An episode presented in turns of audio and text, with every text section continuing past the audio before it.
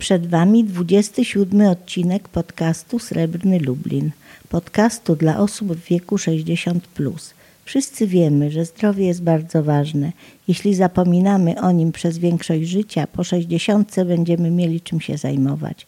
W ósmym odcinku serii Aktywni Plus Kinga Głaszewska, dietetyczka, która prowadzi w ramach projektu spotkania dotyczące odżywiania, przedstawia wskazówki, jak wspomóc odporność organizmu z pomocą diety. Zapraszamy do słuchania. Odporność to jest nic innego jak reakcje obronne organizmu, które mają na celu po pierwsze wykrycie drobnoustrojów, które się dostają, wyeliminowanie właśnie wirusów, bakterii, no i przekazanie e, informacji o rozpoznanych antygenach komórkom. No i tutaj nasz układ immunologiczny, tak jak widać na grafice, składa się z węzłów chłonnych, z migdałków, z grasicy, z wyrostka robaczkowego, szpiku kostnego, śledziona i kępek Peyera. No i chciałabym się tutaj skupić e, na tym, że się mówi, że odporność zaczyna się w jelitach i to, tak jak tutaj też widać na, tym, na tej grafice, no to właśnie tutaj, gdzie są jelita, te kępki Peyera, to tam są też właśnie, tam jest skupisko naszych komórek odpornościowych, dlatego ta mikroflora jelitowa w kontekście odporności jest bardzo ważna. Jeżeli chodzi o e, grasicę, to jest to taki narząd, który już po 20 roku życia może nawet sobie trochę zanikać. E, więc też ta odporność wraz z wiekiem generalnie spada i tutaj trzeba zawczasu tych, o te limfocyty dbać, ale też nie jest tak, że jak tej grasicy później nie będzie, to że odporność jest u wszystkich słaba, bo jeżeli dba się o dobrą dietę i o te czynniki, o których jeszcze będę dzisiaj mówiła, no to tak naprawdę jakby nasze zdrowie jest w naszych rękach, także tutaj możemy sobie e, mieć sprawczość w tym.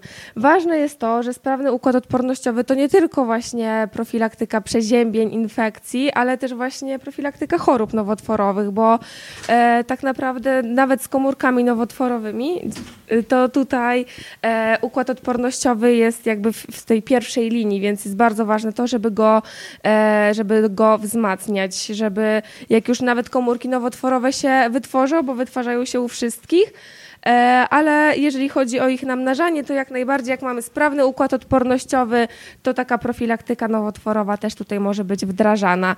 I tak naprawdę, no tutaj tak e, tytułem e, no, wstępu do tego wszystkiego, gdzie się kształtuje już nasza odporność, bo kształtuje się już w okresie prenatalnym, czyli właśnie w łonie matki, łożysko i płyn owodniowy są taką właśnie barierą ochronną przed czynnikami infekcyjnymi, dlatego w diecie takiej przyszłej mamy nie powinno powinno zabraknąć tych witamin, które w tej odporności biorą udział, między innymi witaminy D, bardzo ważne, bo ma receptory na praktycznie każdej komórce w naszym organizmie.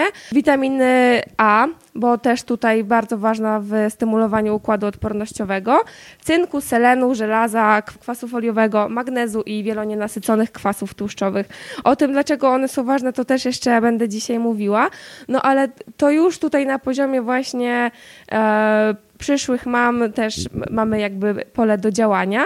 Później jest ważny rodzaj porodu, czyli jak dziecko jest rodzone drogami naturalnymi, no to ma kontakt z mikroflorą od matki, od dróg rodnych matki i wtedy też już się namnażają pozytywne bakterie e, w, u dziecka, a jeżeli jest cesarskie cięcie, to tak jakby od razu bakterie są te, które były w pomieszczeniu, które były w szpitalu, które były na, na lękach e, lekarza.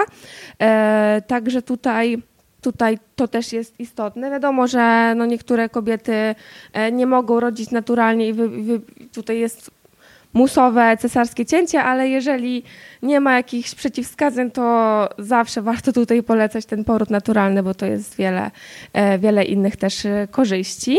Także no, to, to ma znaczenie po prostu w kontekście mikroflory, która będzie e, u dziecka. No i później jest karmienie, też jest bardzo ważne, bo mamy siarę, która jest bogata właśnie te ciałka odpornościowe w witaminy i w minerały i inne składniki biologicznie czynne, które właśnie wspomagają ten rozwój układu odpornościowego, są tam przeciwciała, e, także też dzieci, które są karmione naturalnie, to mają mniejszą podatność na infekcje, ale też na alergie, które teraz są dosyć, e, dosyć często, częste. No i tutaj tytułem wstępu, gdzie to się zaczyna, bo oczywiście później okres dziecięcy też ma, też ma tutaj znaczenie, dzieci dużo chorują, e, no ale to się może wiązać z tym, że później po prostu ta odporność będzie, będzie lepsza. Chociaż wiem, że dla rodziców jest to trochę uciążliwe, jak tak dziecko sobie często, często właśnie choruje.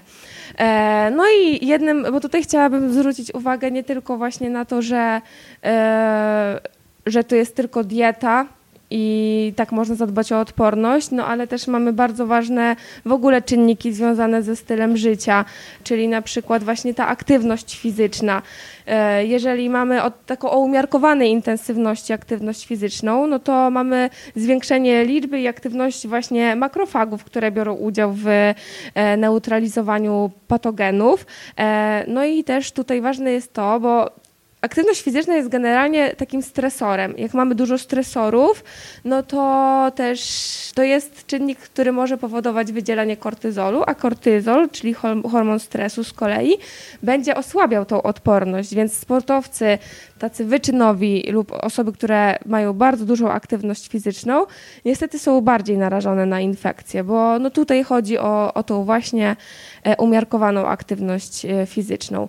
No i nie zaleca się też ćwiczenia właśnie, gdy występuje gorączka, bóle mięśni czy stawów. Natomiast jeżeli jest delikatny katar, takie delikatne osłabienie, to jeszcze ta aktywność fizyczna umiarkowana mogłaby w sumie troszeczkę tą odporność wspomóc. Jeszcze mam takie pytanie do Pani, czy może Panie mają jakieś sprawdzone metody e, na odporność? Tradycyjne, czy raczej właśnie apteczne? Kiszonki. Kiszonki. Tak, bo to są naturalne antybiotyki, właśnie czosnek, cebula i o tym też dzisiaj ze dwa zdania chciałabym powiedzieć. Ale kiszonki, no to właśnie ta mikroflora jelitowa. Ale jeżeli bierzemy na przykład antybiotyk, chociaż antybiotyk e, bierze się wtedy, gdy mamy jakąś zarażeni jesteśmy bakterią, a nie wirusem, no to jak mamy antybiotyk, to tak naprawdę na odbudowanie tej mikroflory to nie wystarczy właśnie ten tydzień, dwa brania probiotyku, tylko później o tą mikroflorę intensywnie trzeba dbać nawet do pół roku, u niektórych i więcej. Także to, no mimo tych zaleceń, że dwa tygodnie się bierze probiotyk, to, to to może być za mało po prostu, żeby o tym, żeby o tym pamiętać. E, a z aptecznych rzeczy stosują Panie coś? Tak, witamina D3 jak najbardziej. Rutina C z kolei, no tutaj, e, no tam jest rutyna i witamina C. I cynk. Cynk, tutaj mogę się zgodzić, że e, bardzo dobry na odporność, natomiast witamina C mm, jest przeciwutleniaczem, ale ona już jak jesteśmy chorzy, to no szkoda zasilać jakby koncerny farmaceutyczne, bo te półki się uginają od witaminy C, od e, właśnie tej rutina C czy innych pochodnych i tak naprawdę mm, ich skuteczność w wielu badaniach, w wielu badaniach właśnie klinicznych, no jest po prostu praktycznie znikoma. E, jak porównywali właśnie suplement z witaminą C i placebo w trakcie przeziębienia, to wyniki były takie same. No tutaj też warto po prostu nie zasilać może koncernów farmaceutycznych. Wiem, że to nie są też jakieś super drogie rzeczy, ale po prostu niepotrzebne. Warto o tą witaminę C dbać w diecie, bo to, bo to nie jest trudne. Bo jak już zachorujemy, to możemy sobie po prostu zmniejszać objawy, a ra, raczej to z szybszym wyleczeniem. No to powiem o jednym badaniu, które takie było z jakimś składnikiem, ale czy to będzie do, końca bezpieczne, to też e, sobie zostawimy na to, na to taką furtkę. No i właśnie ten stres. Tutaj mówiłam o czynnikach stresowych, że to też aktywność fizyczna może takim być, a no ale generalnie jakieś wydarzenia życiowe i wtedy, kiedy mamy ten stres taki przewlekły, e, no to mamy taki stan, gdzie pogłębia się nasz stan zapalny, więc jeżeli się już coś zaczyna dziać, no to te procesy zapalne, interleukiny zaczynają się mocno wydzielać e, i wtedy po prostu jesteśmy bardziej podatni na e, infekcje. E, ogólnie są takie badania, że wraz z wiekiem poziom odczuwanego stresu zmniejsza się, ale jak rozmawiam z seniorami, no to to jest różnie po prostu. Nie wiem, jak jest u Pani, czy ten poziom stresu faktycznie się zmniejszył, No właśnie, z tym stresem jest tak, że jak ten kortyzol się wydziela, to po prostu kortyzol i adrenalina, no to mamy e, hamowanie aktywności białych krwinek, dlatego ta odporność się, e, odporność spada. E, kolejny ważny aspekt, niedobór snu. I tutaj też mam do pań pytanie, bo wiem właśnie, że ten sen tutaj u niektórych jest taki, że się zbyt mało śpi albo jest większa senność w ciągu dnia.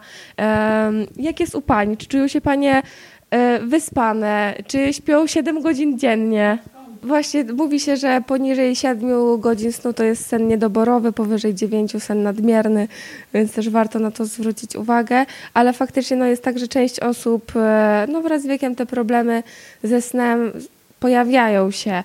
I no tutaj też są jakieś takie magiczne, można powiedzieć, eliksiry ziołowe w sklepach ze zdrową żywnością, które mogą pomagać, jakieś eliksiry z melatoniną albo z męczennicą cielistą. Nie, na niektórych działa, na niektórych yy, nie działa. Y, może Pani sobie spróbować z tą męczennicą cielistą. Ona też będzie tak działała właśnie kojąco na układ, e, na układ nerwowy i ja to, ja taki właśnie eliksir, to się tak nazywało, eliksir na dobry sen, y, ziołowy preparat. E, Melisa, tylko oczywiście, żeby nie stosować w saszetkach, tylko sypaną jak już, bo te w saszetkach to e, no, mają gorszą jakość i też mniej składników bioaktywnych, bo tam są już takie resztki, więc fajnie sobie kupić taką sypaną po prostu melisę żeby te składniki bioaktywne były po prostu silniejsze. Też melisa w takich problemach, melisa profilaktycznie może się tutaj i na takie delikatne zaburzenia może się sprawdzić, ale jak już jest coś bardziej przewlekłego, no to no oczywiście wszystko warto konsultować z lekarzem, ale też e, wyciągi lub ekstrakty raczej wchodzą w grę, a nie same herbatki, bo to też chodzi o tą moc tak jakby tych składników, ale to wszystko trzeba dopasować do swojego stanu zdrowia, też przyjmuje się dużo, niektórzy przyjmują dużo leków i tutaj trzeba sprawdzić na interakcję e, po prostu tych preparatów z, z lekami. Ale ten kozłek lekarski właśnie, czyli waleriana inaczej, męczennica cielista, szyszki chmielu mogą się tutaj. E, no właśnie, no to niedobór snu może tutaj jest takie e, trudne, trudna nazwa, kompleks białkowy NFKB i to jest taki kompleks, który właśnie odgrywa kluczową właśnie rolę w, e, w tym, żeby reakcja zapalna organizmu powstawała. Także no tutaj sen to regeneracja i że ten sen jest bardzo ważny. No i też e, wieczczenie pomieszczeń, dlatego że jeżeli już ktoś zacznie e, być chory, no to tak naprawdę te wirusy, bakterie, głównie to wirusy, bo tutaj przeziębienie to wirusy, jak są w pomieszczeniu, no to po prostu warto regularnie, regularnie je wietrzyć.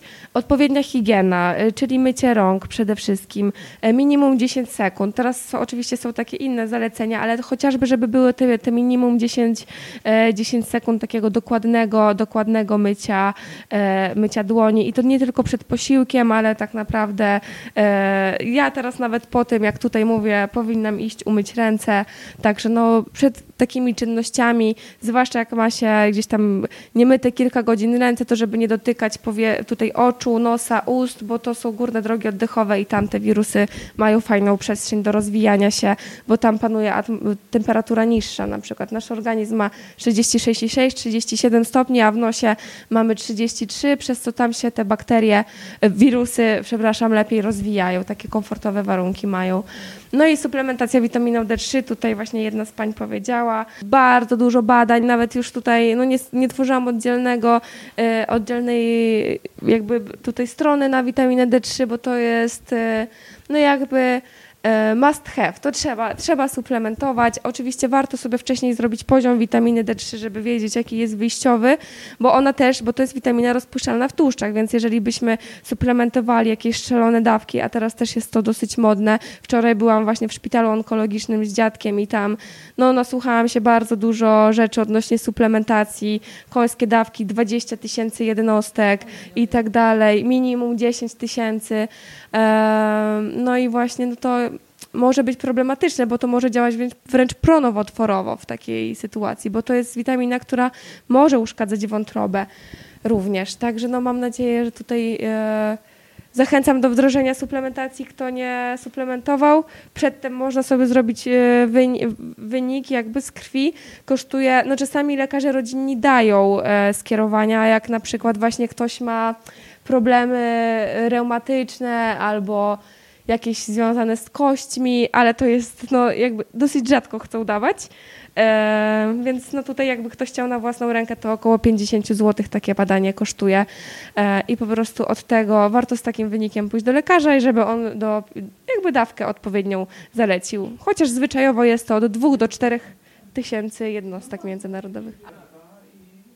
Tak, to powinno być takie cykliczne i właśnie w kontrolowanych warunkach, ale naprawdę są osoby, które robią to na własną rękę. E, I faktycznie tak jest, że jak już się bierze taką dużą dawkę, i zaleci ją lekarz, no to on jakby ma ogólny obraz kliniczny danej osoby i jest w stanie bezpiecznie po prostu go poprowadzić. Ale no część osób, które się gdzieś tam fascynują medycyną niekonwencjonalną, no po prostu regularnie przyjmują takie ogromne dawki tej witaminy D3. Także, że jeżeli się już wybiera jakiś preparat, to lepiej taki, który jest wydany nie w formie suplementu, tylko leku. Będzie to na przykład Vigantol, Vigantoletten bodajże, ale Vigantol z tego co pamiętam ma dobry stosunek jakości po prostu do ceny. E, I tam się bierze 2000 jednostek, to jest około chyba 5 kropelek, z tego co pamiętam. E, także to jest też no, preparat w formie leku. Jest taka różnica, że po prostu leki są przebadane, mają badania kliniczne, suplementy diety nie mają żadnych badań i może wprowadzić suplement diety tak naprawdę każdy. A jeżeli jakiś suplement diety ma badania, to raczej są to słabej jakości badania e, sporządzone na przykład na 20 osobach, co tak jakby jakość takiego badanka jest po prostu znikoma. No, y, e, Także lepiej kupować w formie leku, czy to właśnie witamina D3, czy to cynk, czy to magnez, jeżeli ktoś e, ma takie wskazania do suplementacji. Dobra, o mikroflorze jelitowej to już mówiliśmy, też o tych kępkach Peyera. E, mikroflora to jest nic innego jak właśnie ogół mikroorganizmów bytujących w jelitach. E, I tutaj jest ciekawostka taka, że no ostatnio się mówi, nie wiem czy Panie słyszały o takiej metodzie przeszczepu właśnie e, skału mikroflory jelitowej. Czy jeszcze Panie tego nie słyszały? Tak, lewatywy no, mogą podrażniać błonę śluzową.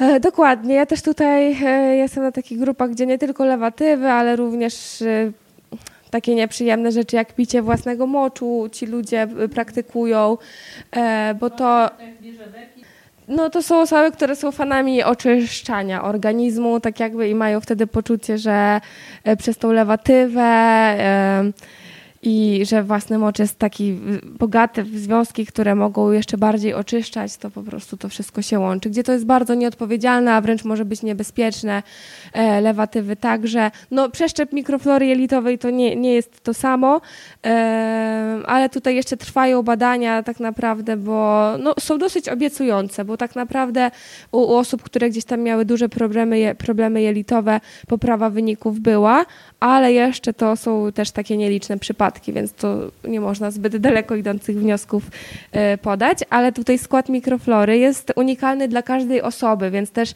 mm, nie można byłoby dać nawet takich ogólnych zaleceń. E, I tutaj też powiem, jak na przykład jakiś taki probiotyk sobie wybrać, bo teraz jeszcze jak panie e, nie miały żadnego przeziębienia, no to warto właśnie stosować taką ewentualnie suplementację celowaną, czyli ja wiem, że jestem narażona na e, wirusy, bakterie, no to sobie właśnie wdrożę może probiotyk na okres dwóch tygodni.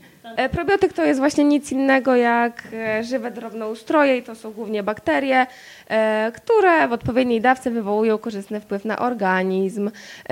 No i tak, tutaj one wydzielają po prostu takie substancje bakteriobójcze lub takie też właśnie totalnie antybiotyczne. Tutaj mamy, ważne, żeby były szczepy. Ja tutaj przedstawiłam Lactobacillus rhamnosus GG, ponieważ on się fajnie sprawdzi w biegunce infekcyjnej, jeżeli ktoś ma, albo w ogóle jak ma ktoś biegunki, to nie kupować byle jakiego preparatu, preparatu, e, tylko ten konkretny, Lactobacillus rhamnosus GG, e, Saccharomyces boulardii, to też przy infekcjach jak najbardziej się sprawdzi. To są drożdżaki z kolei. E, I tak proodpornościowo, no to też Lactobacillus rhamnosus DSM. Wiem, że to no, można sobie właśnie pozapisywać, bo e, te oznaczenia są Tak, bo jak nie ma takiej, bo po prostu człowiek sobie przypomina, że jakiś to tam był, ale jak gdy ma potrzebę, bo teraz wiem, że no, może takowej nie być. E, tutaj tak graficznie przedstawione, że wiadomo, kiszone ogórki, kapusta, e, kimchi jest teraz popularne, kiszony sok z buraka, soki z warzyw są w sklepach ze zdrową żywnością tak naprawdę i z selera, i z marchewki, więc tutaj jest jakby do koloru do wyboru.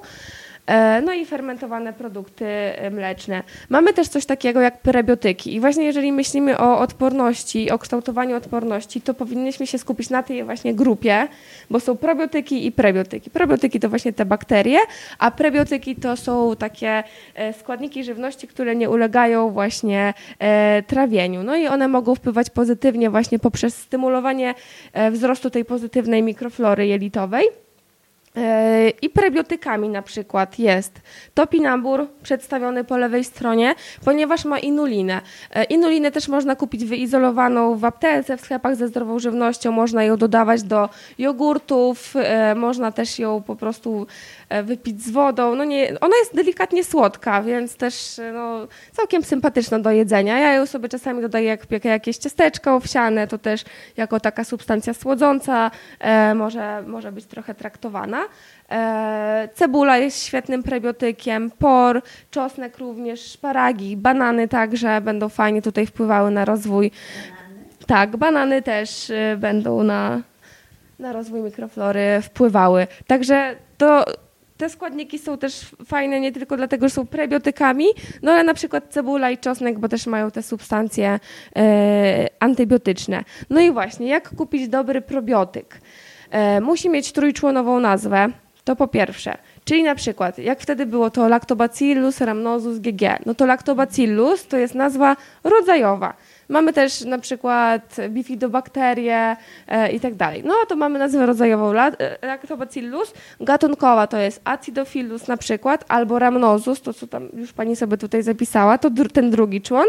No i trzeci człon to jest właśnie kod literowo-cyfrowy czyli to GG lub ER2 lub jakiś inny kod. I to mhm. jakby musi być na suplemencie dobrej jakości, no najlepiej, żeby to był albo po prostu lek na preparacie dobrej jakości.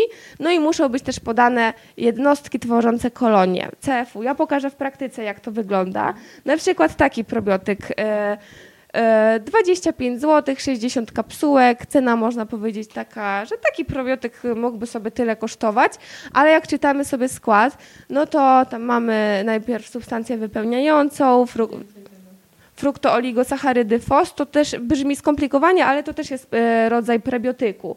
E, tylko, że mamy mieszankę bakteryjną i mamy Bifidobacterium longum 13,1%. I mamy tylko podaną dwuczłonową nazwę Bifidobacterium longum, gdzie nie mamy tej nazwy literowo-cyfrowej i nie mamy też ile jest probiotyków w danym preparacie. Czy, I mamy tylko procentowo, więc możemy się trochę domyślać. E, najprawdopodobniej jest to po prostu dosyć kiepski e, preparat. E, także no tutaj to jest przykład tego, jakiego nie kupować, ale mamy też na przykład Dicoflor i teraz wypuszczony jest taki proodpornościowy. No i tutaj mamy na, w tabelce mamy wyszczególnione, że to jest Lactobacillus rhamnosus GG, zawartość 10 ml. Są CFU, to są właśnie te jednostki tworzące kolonie i właśnie to musi być na dobrej jakości y, preparacie. Sanprobi też właśnie takie, tak jest wyszczególniony, e, także żeby po prostu zwrócić na to uwagę, tą trójczłonową nazwę i tą E, te jednostki tworzące kolonie, żeby to było. W tym preparacie dodatkowo jeszcze jest z takich wartościowych rzeczy cynk, który wpływa na odporność i też tutaj czasami są preparaty proodpornościowe, które w swoim składzie zawierają cynk i selen. No i wtedy e, jakby takiego preparatu też nie kupujemy, bo cynk i selen konkurują ze sobą o wchłanianie, i to po prostu jest y, bardzo, no bardzo częste w suplementach, też również na włosy jakieś i paznokcie. Witamina C. Jeszcze nie mówiłam o witaminie C, tego, że tak naprawdę no, ona jest ważna, ale w takiej diecie e, na co dzień, natomiast w przeziębieniu, no tutaj ona nie. A nie, mówiłam w tym badaniu porówny, porównując. Efekty, no to może skracać o 7 godzin tylko czas trwania przeziębienia, zgłębienia, więc tak naprawdę jest to powiedzmy, że tyle, tyle co nic. Także tutaj witaminy C nie ma co suplementować. Oczywiście warto o nią dbać w diecie. Nie jest to problematyczne, bo wystarczy zjeść pół papryki i jedno kiwi i już mamy nawet nadwyżkę witaminy C i to wcale nie jest takie trudne. Nie, Polacy nie mają, jak właśnie jedzą dużo warzyw i owoców, to, to jest jakby trudna witamina, żeby mieć jej niedobory. Tak naprawdę nie ma też y, takich dróg na skróty, że kupimy sobie jeden preparat i on będzie, y, i on będzie super dobry. Więc ja chciałam się po prostu skupić na takich rzeczach, o które my na co dzień możemy zadbać i to naprawdę będzie najlepsze, najbardziej sprawdzone i też najtańsze to są metody tak naprawdę profilaktyczne. E, witamina A jest bardzo ważna w dojrzewaniu układu odpornościowego. Znajduje się między innymi w mięsie e, czerwonym też, ale mięso czerwone to do 500 gramów tygodniowo. E, w mleku, w produktach mlecznych e, prekursor witaminy A, czyli beta-karoten to w marchewce, w dyni, w batatach, we wszystkim tym, co jest pomarańczowe, w papryce także. E, I tutaj, jeżeli tych produktów jest dużo w diecie, to generalnie nie ma z tym problemu. No i ten cynk tutaj też jest bardzo ważny. Jego niedobory mogą objawiać się wolniejszym gojeniem się ran, wypadaniem właśnie włosów, podatność na infekcje, upośledzenie funkcji poznawczych, zwiększone ryzyko chorób układu krążenia i choroba Alzheimera także, bo tutaj bardzo ważna jest w wydzielaniu neuroprzekaźników w mózgu. E, no i właśnie to jest to badanie, o którym chciałam powiedzieć, bo ogólnie zapotrzebowanie na cynk e, dla kobiet wynosi 8 mg na dzień, dla mężczyzn 11 mg na dzień. No i e, było takie badanie, w którym tutaj był przyjmowany albo glukonian, albo octan cynku. To są dwa, dwie formy chemiczne, które są dobre, więc tutaj też jak ktoś chce, może sobie zapisać, że jak cynk to w formie glukonianu albo octanu, e, żeby on był po prostu dobrze przyswajalny. To też, e, to, to jest ważne. No i w tym badaniu akurat suplementowano e, glukonian cynku powyżej, i to były dawki 75 mg na dobę suplementów te, e, ta, ten cynk się przyswaja trochę słabiej i tutaj u osób, które suplementowały było o 33% właśnie skrócenie czasu trwania choroby, czyli jak choroba trwała 7 dni, to trwała 4 dni. Więc to już się robi, robi realnie jakiś taki termin satysfakcjonujący, że sobie trochę to skrócimy. Ale to proszę zobaczyć, że to jest dosyć duża dawka tak naprawdę suplementu, bo jak nasze zapotrzebowanie jest 8 e, mg na dzień, to te 75 mg, to nawet jak się wchłonie 10% suplementu, to już będzie blisko właśnie e, tych 8 i żeby też nie nabawić się nadmiaru, bo to też będzie toksyczność. On może być toksycznym e, pierwiastkiem, tak samo zresztą jak i selen. Także o cynk warto dbać w diecie. I zaraz pokażę, gdzie on się znajduje. A z takiego mechanizmu to po prostu bierze, jest niezbędny do wydzielania tymuliny, a jest to hormon, który pobudza właśnie limfocyty T, e, które, które po prostu biorą udział w walce z patogenami. E, I tu jest taka tabelka zawartości cynku. Najbardziej tutaj bogate są ostrygi, ale u nas się zazwyczaj tego nie je. No ale także wątroba cielęca. E, tutaj zabrakło mi kaszy grycz... A, jest kasza gryczana, 3,5 mg na 100 gramów produktu. E, dynia, wątroba wołowa, fasola biała, migdały, chleb żytni, gorzka czekolada, jaja kurze też warto, e, warto jeść. Tutaj tak graficznie e, przedstawiłam, czyli właśnie te ziarenka, rośliny strączkowe, żeby tego po prostu w takiej diecie nie zabrakło. I to tak naprawdę ten cynk, nawet jeżeli ktoś chciałby utrzymać skórę w dobrej kondycji, to fajnie można sobie taką dietę proodpornościową połączyć tak naprawdę z dietą ogólnie wzmacniającą cały organizm. E, mamy też selen e, i tutaj tak, wykazu może wykazywać e, również na skutek tego, że pobudza tą odporność, no to działanie przeciwnowotworowe, e, stymuluje produkcję białych krwinek, działanie immunomodulujące, wiem, że trudna nazwa, ale to chodzi po prostu o to, że tutaj e, wchodzi właśnie jest ważny w, dla funkcjonowania tego układu immunologicznego. E, I tutaj tak, zapotrzebowanie dla kobiet to jest od 45 do, do 55 mikro, mikrogramów dla kobiet, e, no i 70 mikrogramów dla e, mężczyzn. W badaniach, jak są badania, to niestety te dawki suplementów są bardzo wysokie, bo tutaj 200 mikrogramów, a nasze zapotrzebowanie jest dużo mniejsze, więc warto, jeżeli ktoś ma taką możliwość sobie zrobić też badanie tego, ile tego cynku jest we krwi. Powinno być od 92 do 100, 108 mikrogramów na litr, więc e, tak, jeżeli chodzi o to, bo to też, żeby nie przesadzać i tą suplementację celowaną nie stosować na pewno cały czas, tylko raczej robić sobie takie kuracje dwu, trzy tygodniowe, e, żeby, żeby po prostu to nie, nie działało wręcz pronowotworowo, bo jeżeli tego selenu jest za dużo, to tam nowotwór e, wątroby może się rozwinąć i tak dalej, więc tutaj trzeba na to uważać. Kwasy tłuszczowe omega-3, konkretnie kwas e, EPA, DHA i ALA, czyli eikozapentaenowy, dokozaheksaenowy i alfa-linolenowy. I tutaj jeżeli ktoś nie spożywa tłustych ryb, takich jak na przykład łosoś hodowlany, e, śledź, szprotka, makrela, e, węgorz też, czy sardynki, no to może mieć niedobory tych kwasów tłuszczowych i tutaj fajnie byłoby rozważyć właśnie taką suplementację. Ja osobiście nie jem za bardzo ryb, więc no, taką suplementację stosuję tymi kwasami EPA i DHA, natomiast kwas alfa-linolenowy znajduje się na przykład w oleju lnianym w orzechach, ale jego, jakby jak ktoś wybiera olej lniany zamiast spożywania ryb, to to też nie jest dobry wybór do końca, bo właśnie ten kwas alfa-linolenowy to ulega tylko w niewielkim stopniu do konwersji do tego, e, do kwasu EPA bodajże, tylko około 10%, więc to jest tak naprawdę niewiele, więc ten, e, to siemię lniane, olej lniany jakby nie wystarczą jeżeli chodzi o pokrycie zapotrzebowania na y, EPA i DHA. Więc tutaj te ryby, te ryby żeby przynajmniej raz w tygodniu w ilości 100 gramów spożywać, e, to jest ważne. I na przykład y, karp e, czy dorsz to nie są dobre źródła tych kwasów. Karp jest tłustą rybą, ale niestety e, kwasów EPA i DHA za bardzo nie zawiera. Trzeba byłoby zjeść z kilogram, za dwa kilogramy takiego karpia, żeby sobie pokryć zapotrzebowanie. Odcinek powstał w ramach projektu Srebrny Lublin. Projekt dofinansowany ze środków programu wieloletniego na rzecz osób starszych Aktywni Plus na lata 2021-2025, edycja 2021.